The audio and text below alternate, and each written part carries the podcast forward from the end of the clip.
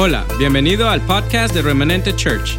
Esperamos que esta palabra te edifique y te inspire a acercarte a Dios. Disfruta el mensaje.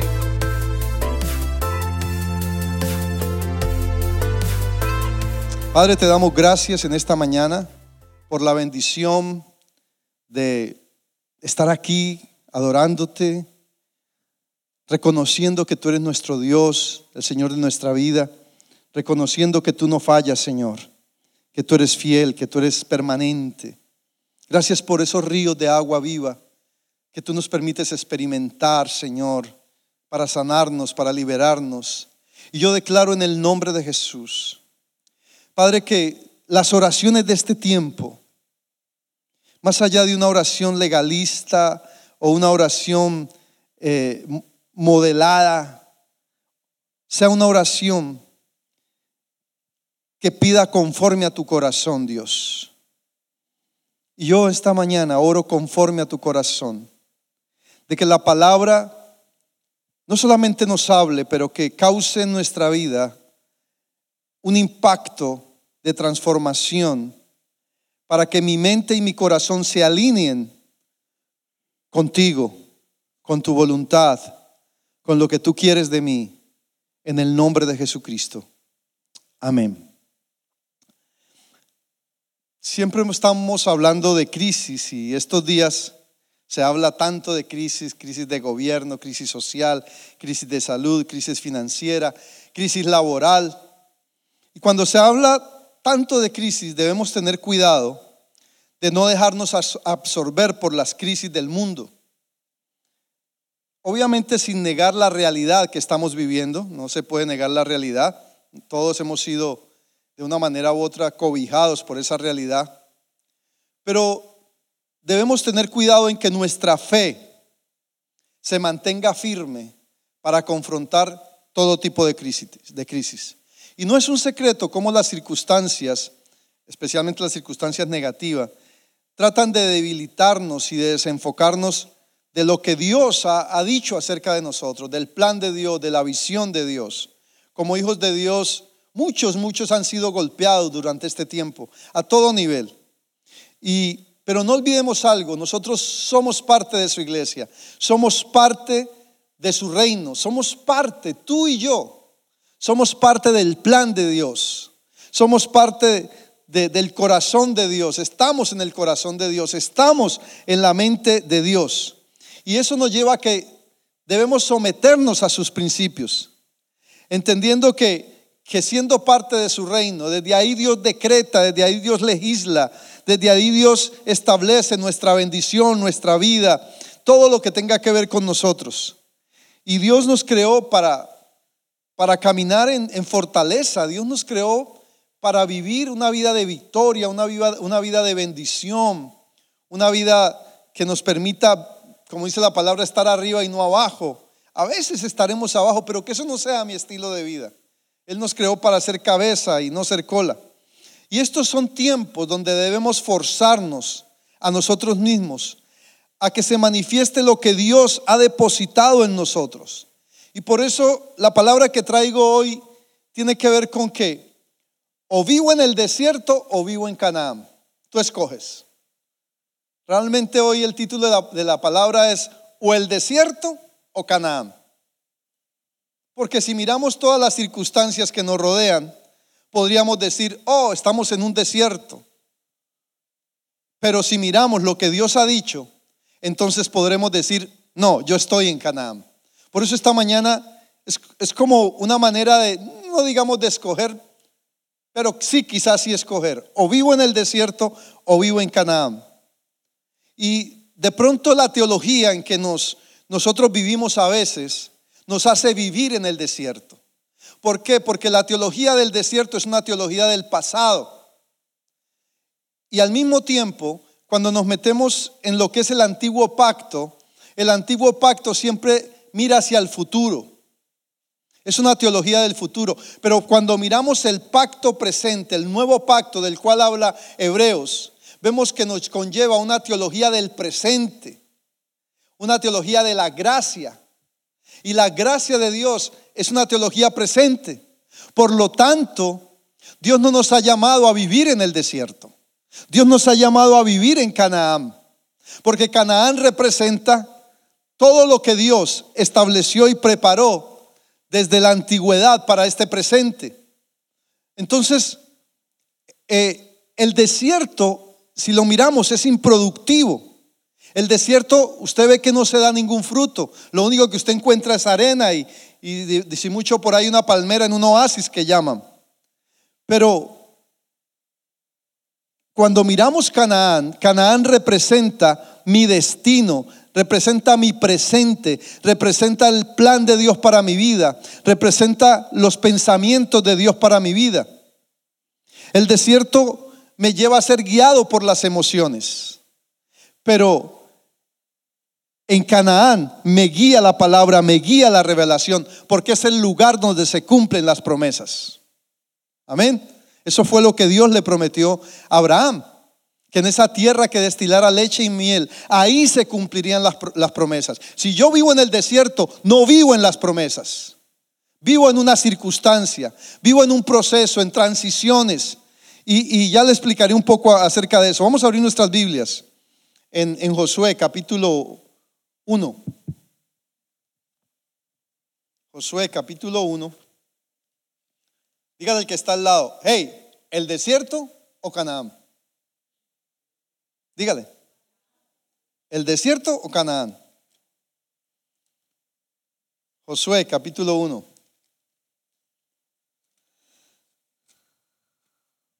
Dice, versículo 1, aconteció después de la muerte de Moisés, siervo del Señor, que el Señor habló a Josué, hijo de Num, servidor de Moisés, diciendo, mi siervo Moisés ha muerto. Ahora pues, levántate, dígale que está al lado, levántate. Y pasa este Jordán, tú y todo este pueblo, a la tierra que yo les doy a los hijos de Israel. Yo os he entregado, como lo había dicho a Moisés, todo lugar que pisare la planta de vuestro pie, desde el desierto y el Líbano hasta el gran río Éufrates, toda la tierra de los Eteos hasta el gran mar donde se pone el sol, será vuestro territorio. Y dice el versículo 5, y nadie, nadie, diga así a, mí, a sí mismo, nadie, nadie, te podrá hacer frente o me podrá hacer frente en todos los días de tu vida, como estuve con Moisés, estaré contigo. No te dejaré ni te desampararé. Y aquí viene una recomendación bien fuerte. Esfuérzate y sé valiente, porque tú repartirás a este pueblo por heredad la tierra de la cual juré a tus padres que le daría a ellos. Ahí está la promesa. Y vuelve y reitera, solamente esfuérzate y sé muy, pero muy valiente para cuidar de hacer conforme a toda la ley de mi siervo Moisés te mandó, que te mandó. No te apartes de ella ni a diestra ni a siniestra, para que seas que prosperado en todas, en todas las cosas que emprendas. Pero para ello, lo que le dijo fue, tienes que conquistar la tierra, tienes que conquistar a Canaán, tienes que llegar a Canaán. Cuando Dios habló a Josué, hizo este llamado, era el término de 40 años que Israel había pasado en el desierto. Eh, y lo que hacía Israel era dar vueltas y vueltas en círculo alrededor de, ese desierto. Ellos habían conocido a Dios, digámoslo así, de una manera circular. Ahí pasaban y daban por el desierto vueltas y vueltas y vueltas. Y siempre estaban mirando lo, lo mismo año tras año. Pero Dios estaba llamando a Josué para que saliera de ese desierto y lo conociera de una manera ascendente, no una manera circular. A veces conoceremos a Dios dando vueltas, pero Dios no los mandó a ellos a esto, Dios los llamó a que lo conocieran ascendentemente para que de esa manera ascendente pudieran también ir hacia adelante. Es la manera como Dios se mueve. Dice la palabra en, Proverbios 4:18 que la senda del justo, creo que es 4:18 que dice, la senda del justo es como la luz de la aurora que va en qué? En aumento, hasta que el día es qué? Perfecto. Es ascendente. Entonces Dios quería que lo conocieran y ascendieran. ¿Para qué? Porque era como depender del cielo, por decirlo de esa forma. Dios les estaba diciendo, ahora quiero que salgas de este punto, del mismo punto en que estaban, del punto del desierto, y vayas al otro punto. ¿Cuál era el otro punto? Canaán, la tierra prometida. Pero no de una manera lineal, sino de una manera ascendente. No solamente, y cuando hablo de ascendente, no tiene que ver solamente con ir hacia el cielo, porque esa es la manera religiosa a veces de verlo. La manera ascendente tiene que ver con ir y caminar en las dimensiones que Dios va marcando para nuestras vidas. Dios siempre está marcando una nueva dimensión para nosotros. Y a veces, como Israel, nos acostumbramos a estar en el desierto y caminar y, y movernos en ese desierto. Entonces tenemos una identidad de desierto. Una identidad donde no se produce nada. Una identidad donde no somos fructíferos.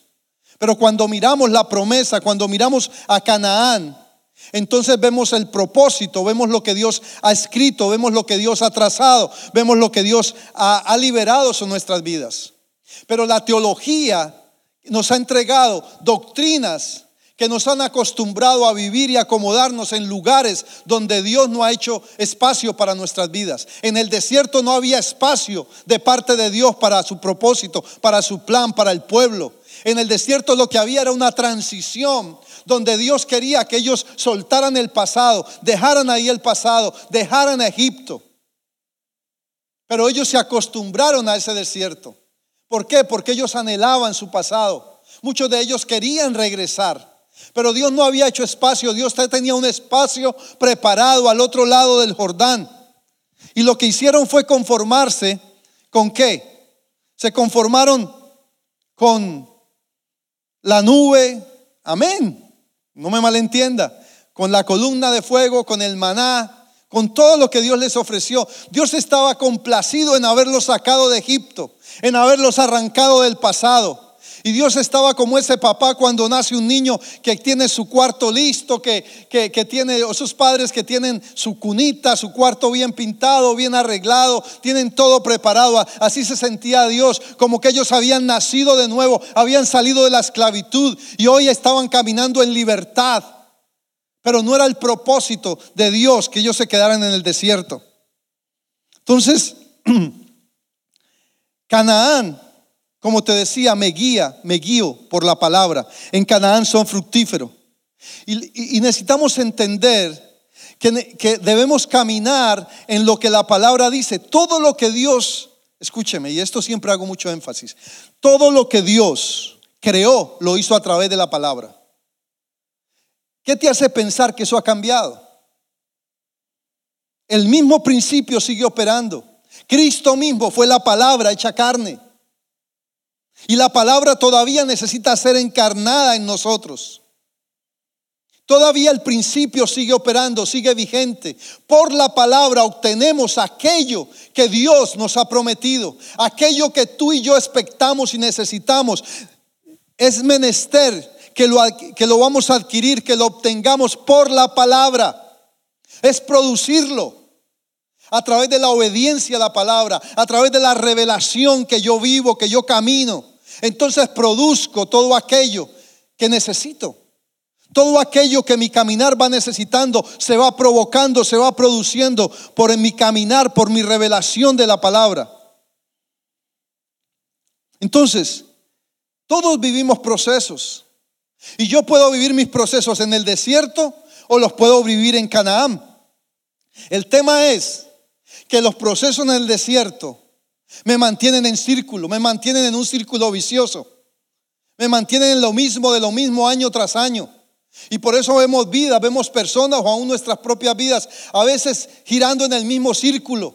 Pasamos y se nos da la oportunidad y volvemos. ¿Por qué? Porque ellos siempre pasaban por el borde del Jordán y era el momento para cruzar, pero ellos seguían girando. Y eso sucede con nuestras vidas. A veces pasan años y años y dijimos, ahora sí es, ahora sí es, pero volvemos a dar la vuelta. Y así se terminan generaciones. Así se acaban generaciones. Los procesos, en cambio, en Canaán cumplen las promesas y dan fruto. Porque las promesas estaban hechas no para el desierto. Las promesas estaban preparadas para Canaán, para la tierra que Dios había marcado, había trazado. Dios en su corazón, en su mente, Él ya lo había decretado, que era la tierra que ellos, donde ellos iban a obtener todo tipo de victorias, donde iban a derrotar todo enemigo. Dios ya tenía preparado eso de antemano. Es como Dios se mueve. Entonces, Así como Josué, como a Josué, Dios quiere revelarse a tu vida y a mi vida como un Dios ascendente, como un Dios que te hace ir hacia adelante. Vas hacia arriba, pero vas hacia adelante. Yo siempre he dicho, desde arriba se ve mejor lo que está pasando allá abajo. Cuando caminamos así como tan planos, yo no sé lo que hay al otro lado del obstáculo, pero desde arriba puedo observarlo mejor. Dice el versículo Dos que dice, Dios les dijo, levántate y pasa este Jordán. Escúcheme esto. Y aquí viene una parte muy, muy importante que, que quiero hacer mucho énfasis. La generación que estaba pasando el Jordán era una generación nueva. Una generación hasta los 22 años, dice. Y Josué y Caleb eran los únicos viejos que estaban pasando esta, y quiero hacer énfasis en algo, porque Dios es un Dios generacional. Dios quería de una voz por todas que esta nueva generación, una generación que no había nacido en Egipto, que no había visto la esclavitud que sus padres habían vivido, las costumbres que vivían, la cultura que vivían ahí. Ellos no habían visto ello, ellos no conocieron de eso. Y Dios no estaba interesado en que esa generación se perdiera. Aunque nacieron en el desierto, Dios no los quería formar en el desierto, Dios los quería formar en Canaán. Entonces, Él les prometió que ellos serían los únicos que pasarían el Jordán. Y dijo, y se quedarían los que habían nacido en Egipto. Es importante entender que Dios no quiere este tiempo una generación que sea formada en el desierto. Dios quiere una generación que sea formada en Canaán, que sea formada en la promesa. ¿Y qué te quiero decir con esto? Que las generaciones que se forman en el desierto son generaciones que están expuestas a la muerte. Porque eso le pasó a toda esa generación que salió de Egipto. Eh, en otras palabras, si nosotros esta nueva generación que estamos levantando la dejamos en el desierto, va a morir.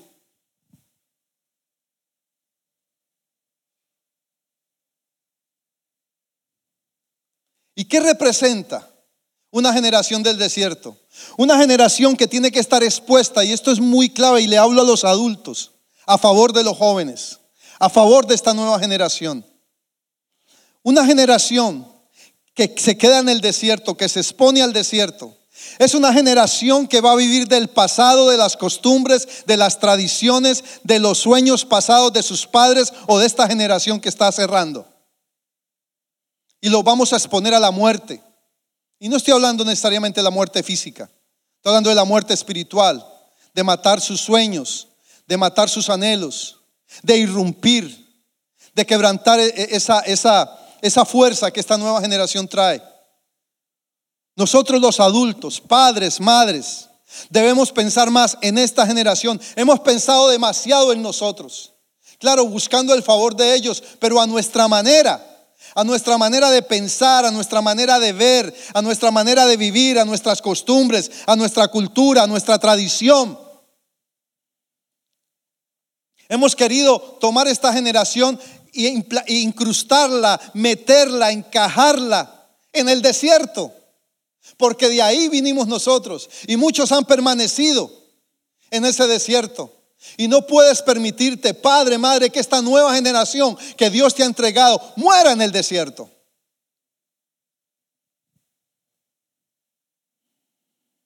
Escúcheme esto. Para llegar a esta palabra me ha costado años. Para como iglesia, dentro de la visión que Dios me dio, y esto lo hablo con unción, con autoridad, con, sentimiento si se quiere. Hace mucho rato, no lo tenía tan claro entonces, pero yo sabía hacia dónde Dios nos estaba llevando.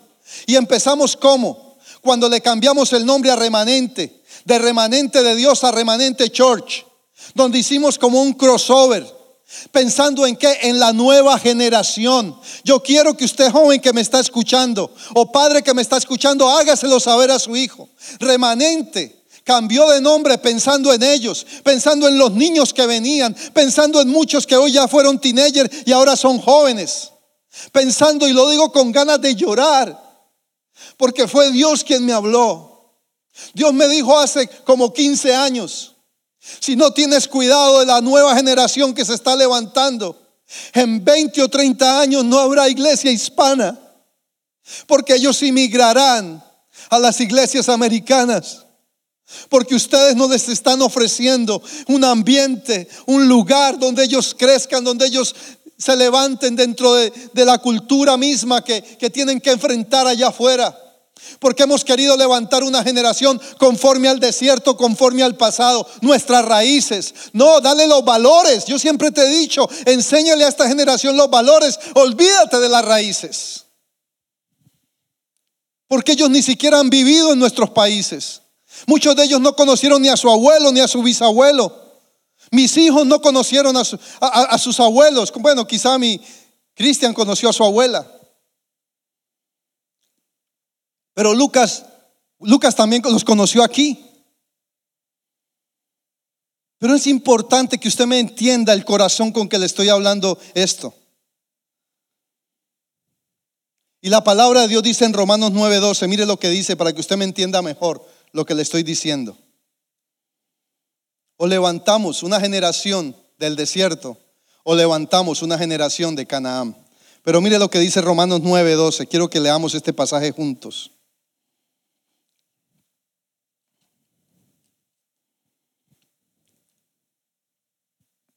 Vamos a leer desde el 11, Romanos 9, 11. Pues no habían aún nacido, ni habían hecho aún ni bien ni mal, para que el propósito de Dios conforme a la elección permaneciese, no por las obras, sino por Él que llama. Ni siquiera habían nacido. la generación en que Dios estaba pensando ni siquiera había nacido. Y se le dijo, escuche esto, el mayor servirá al menor. ¿Quiénes son los mayores? Nosotros los adultos. Y la instrucción para esta nueva generación es que los mayores le sirvamos a los menores. Pero la cultura nuestra, la costumbre lo ha hecho al contrario, que los menores nos sirvan.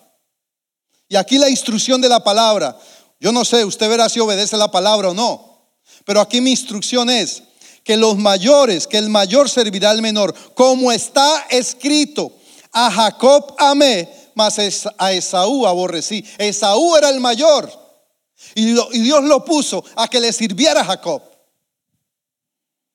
Versículo 14. ¿Qué pues diremos? ¿Que hay injusticia en Dios? En ninguna manera.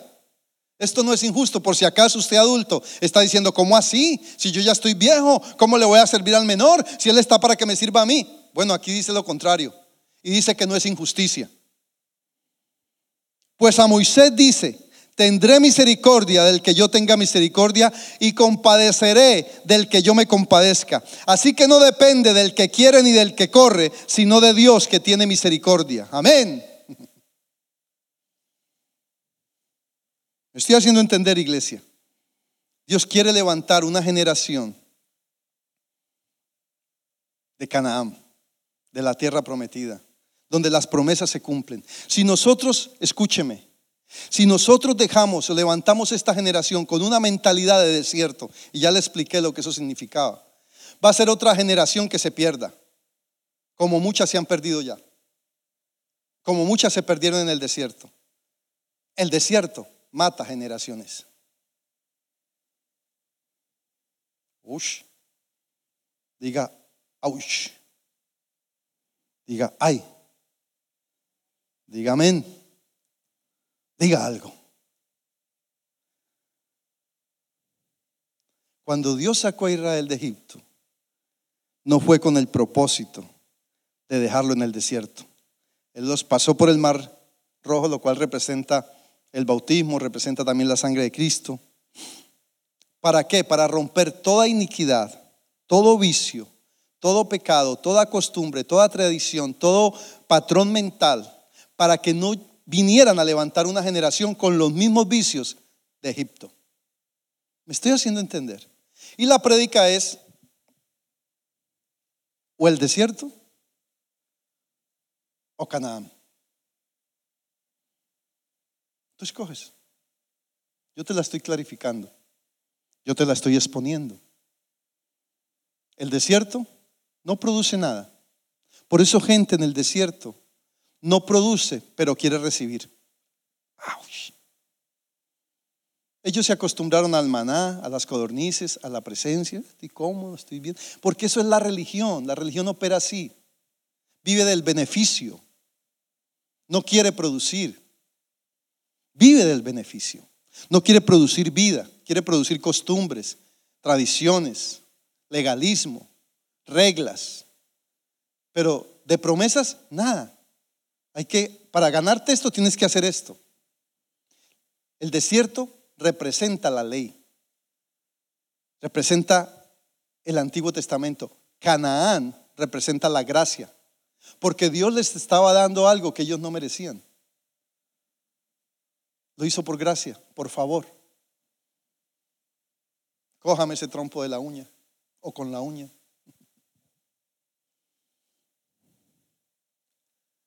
Uy, se fue el tiempo.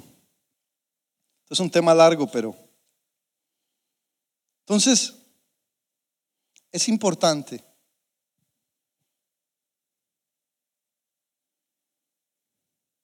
que entendamos dónde voy a vivir mis procesos, o en el desierto o en Canaán.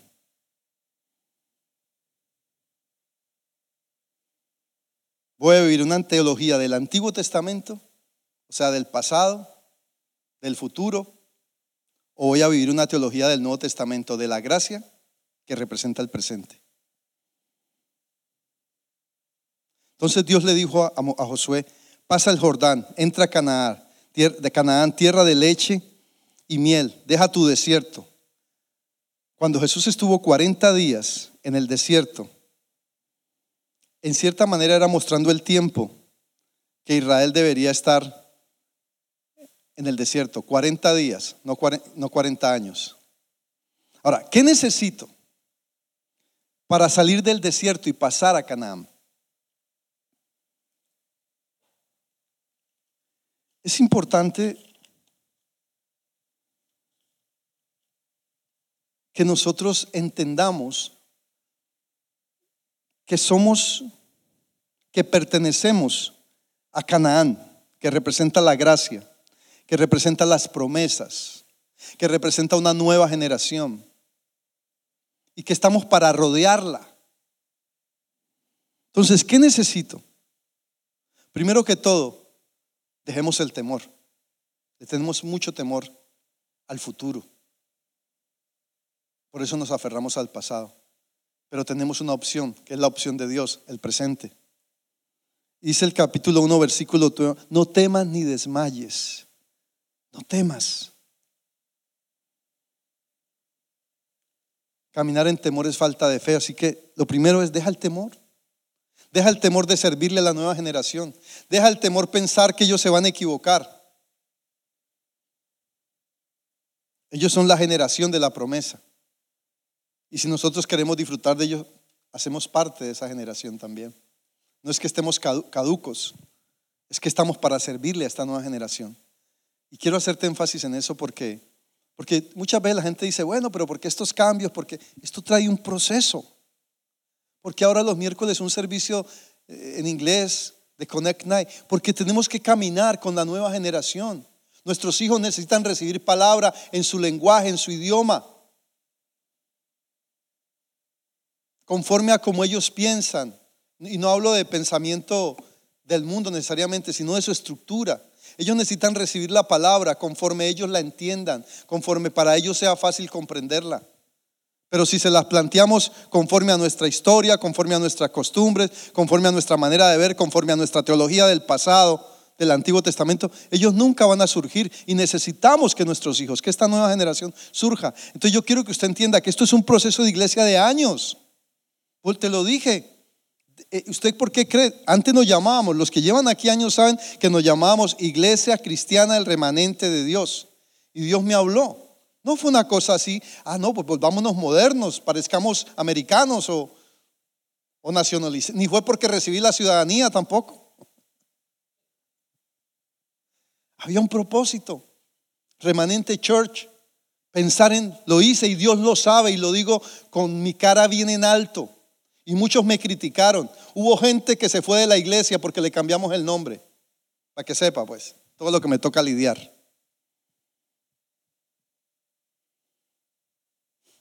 Y hoy remanente es un nombre gracias al Señor. Y lo es aquí, lo es en los países donde estamos. Remanente. Uy, ¿qué remanente? Me preguntan.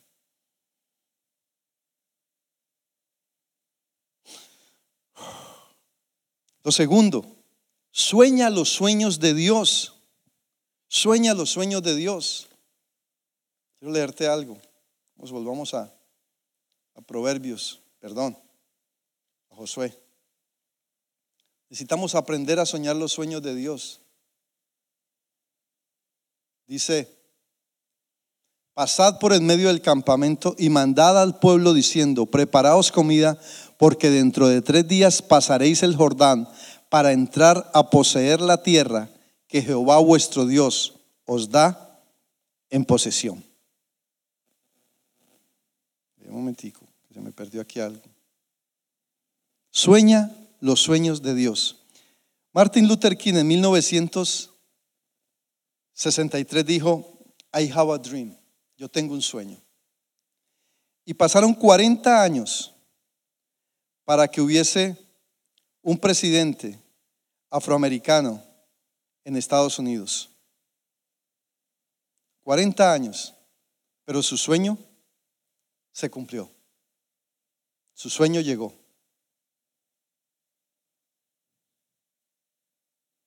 Dios cumple los sueños. Así que sueñen grande. La otra es, está dispuesto a mojarte, o sea, hacer lo que Dios te mande. Cuando Dios les pidió a ellos que pasaran el Jordán, era el tiempo donde más el río Jordán estaba crecido, era tiempo de cosecha. Y el, río se crecía. Pero cuando ellos pisaron, dice que el río se abrió para ellos.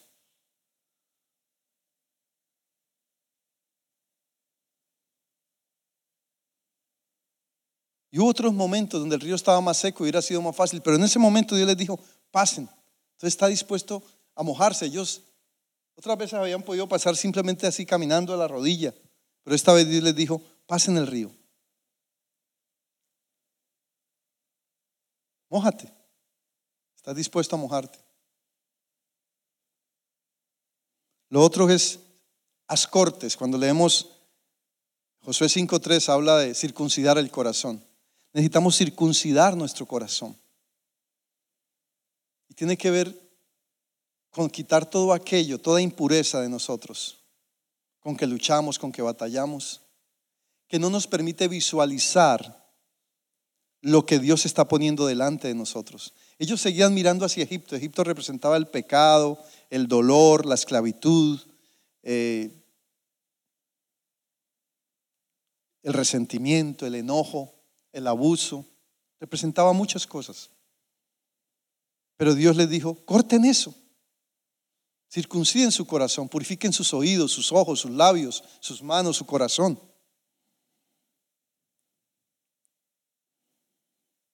Y esto nos llevará entonces a despertar en Dios, a esperar en Dios, a caminar en la tierra que Dios ha hablado. Yo quiero decirte algo, ya voy a terminar. Hay una tierra que Dios preparó para nosotros, como su pueblo, como sus hijos. Y necesitamos salir de esos desiertos en que nos hemos involucrado, en que hemos pasado por años. Tenemos miedo, tenemos miedo de salir de ahí. Dios te dice hoy, sal de tu desierto, sal de tu desierto. Esa doctrina del desierto, eso la creó la religión. Dios creó un lugar mejor para ti y se llama Canaán, el lugar de la gracia, el lugar de las promesas, el lugar donde Dios te lleva a dar fruto. Y escuche esto, en Canaán ellos tuvieron que producir su propia comida, su propio fruto, porque Dios les había dado la autoridad, el poder, el respaldo. En el desierto dependían de la provisión que cayera del cielo, porque ahí no podían producir nada. En el desierto no vas a producir nada, solamente lástima. Pero en Canaán vas a producir fruto, destino, el desierto no te da identidad, el desierto es un lugar de nadie. ¿Dónde nació? En el desierto. La Biblia habla de 15 desiertos. El desierto les dio muchas cosas, pero nada que ellos produjeran. O sea, el desierto era un lugar de codependencia, de codependencia emocional. El desierto representa temor, conformismo, falta de visión. Y el desierto al final te mata. Allá murieron todos los que habían salido de Egipto. Ni uno solo, a excepción de Josué y Caleb, que ya tenían como chorrocientos mil años. Fueron los únicos que pasaron. Pero en cambio, Canaán libera las promesas. Canaán es la gracia, es el favor de Dios. Es el plan de Dios para tu vida. Canaán te hace conquistador. En Canaán operas en autoridad, en constantes victorias. En Canaán aprendes a dar fruto. En Canaán levantas una generación de vida, una nueva generación fuerte. En Canaán hay legado, hay herencia. En el desierto, ¿qué vas a heredar? ¿Arena? tormentas de arena. Canaán te da territorio, te da pertenencia. Canaán te da heredad. En Canaán se cumplen sus promesas. Aleluya. Dile al Señor hoy, Señor, no quiero más desiertos en mi vida. Quiero caminar en Canaán, en el lugar de las promesas. No quiero más esa teología del pasado. Quiero la teología del presente. Ni siquiera quiero otra la teología del futuro. Hay mucha gente preocupada ahora por la teología del futuro. Cuando no se dan cuenta de lo que sucede en su presente. ¿Quieres solucionar tu futuro? Encárgate de tu presente. Gente que está inquieta, ¿qué va a pasar? Que si los cuatro sellos, que si los caballos, que si... Todo el mundo tiene una versión del Apocalipsis, créame. Lo único que yo sé es que Dios me mandó a producir en el presente. Tu salvación está asegurada en Cristo. Cuídala, cuídala en el presente. Porque Dios te tiene asegurado el futuro. Así que vamos a decirle al Señor, Padre, en el nombre de Jesús. Hoy yo renuncio a todo desierto en mi vida a toda sequedad, a toda falta de productividad, a toda falta de fruto. Si usted es adulto, dígale, Señor, yo hoy me vuelvo un instrumento para bendecir, para rodear al menor, o sea, la nueva generación. El menor representa la nueva generación. Dígale, yo me vuelvo a alguien y me apropio de mi territorio, el territorio que me diste Canaán, lugar de promesa, lugar de la gracia, lugar del favor de Dios, lugar del gozo, de la paz, lugar de la victoria, lugar donde Dios se encarga de mis enemigos. Te entregamos nuestro corazón esta mañana, Señor, en el nombre de Jesucristo. Amén. amén. Esperamos que este mensaje haya sido de bendición. No te olvides de suscribirte a nuestro podcast y seguirnos en Facebook e Instagram arroba remanente church.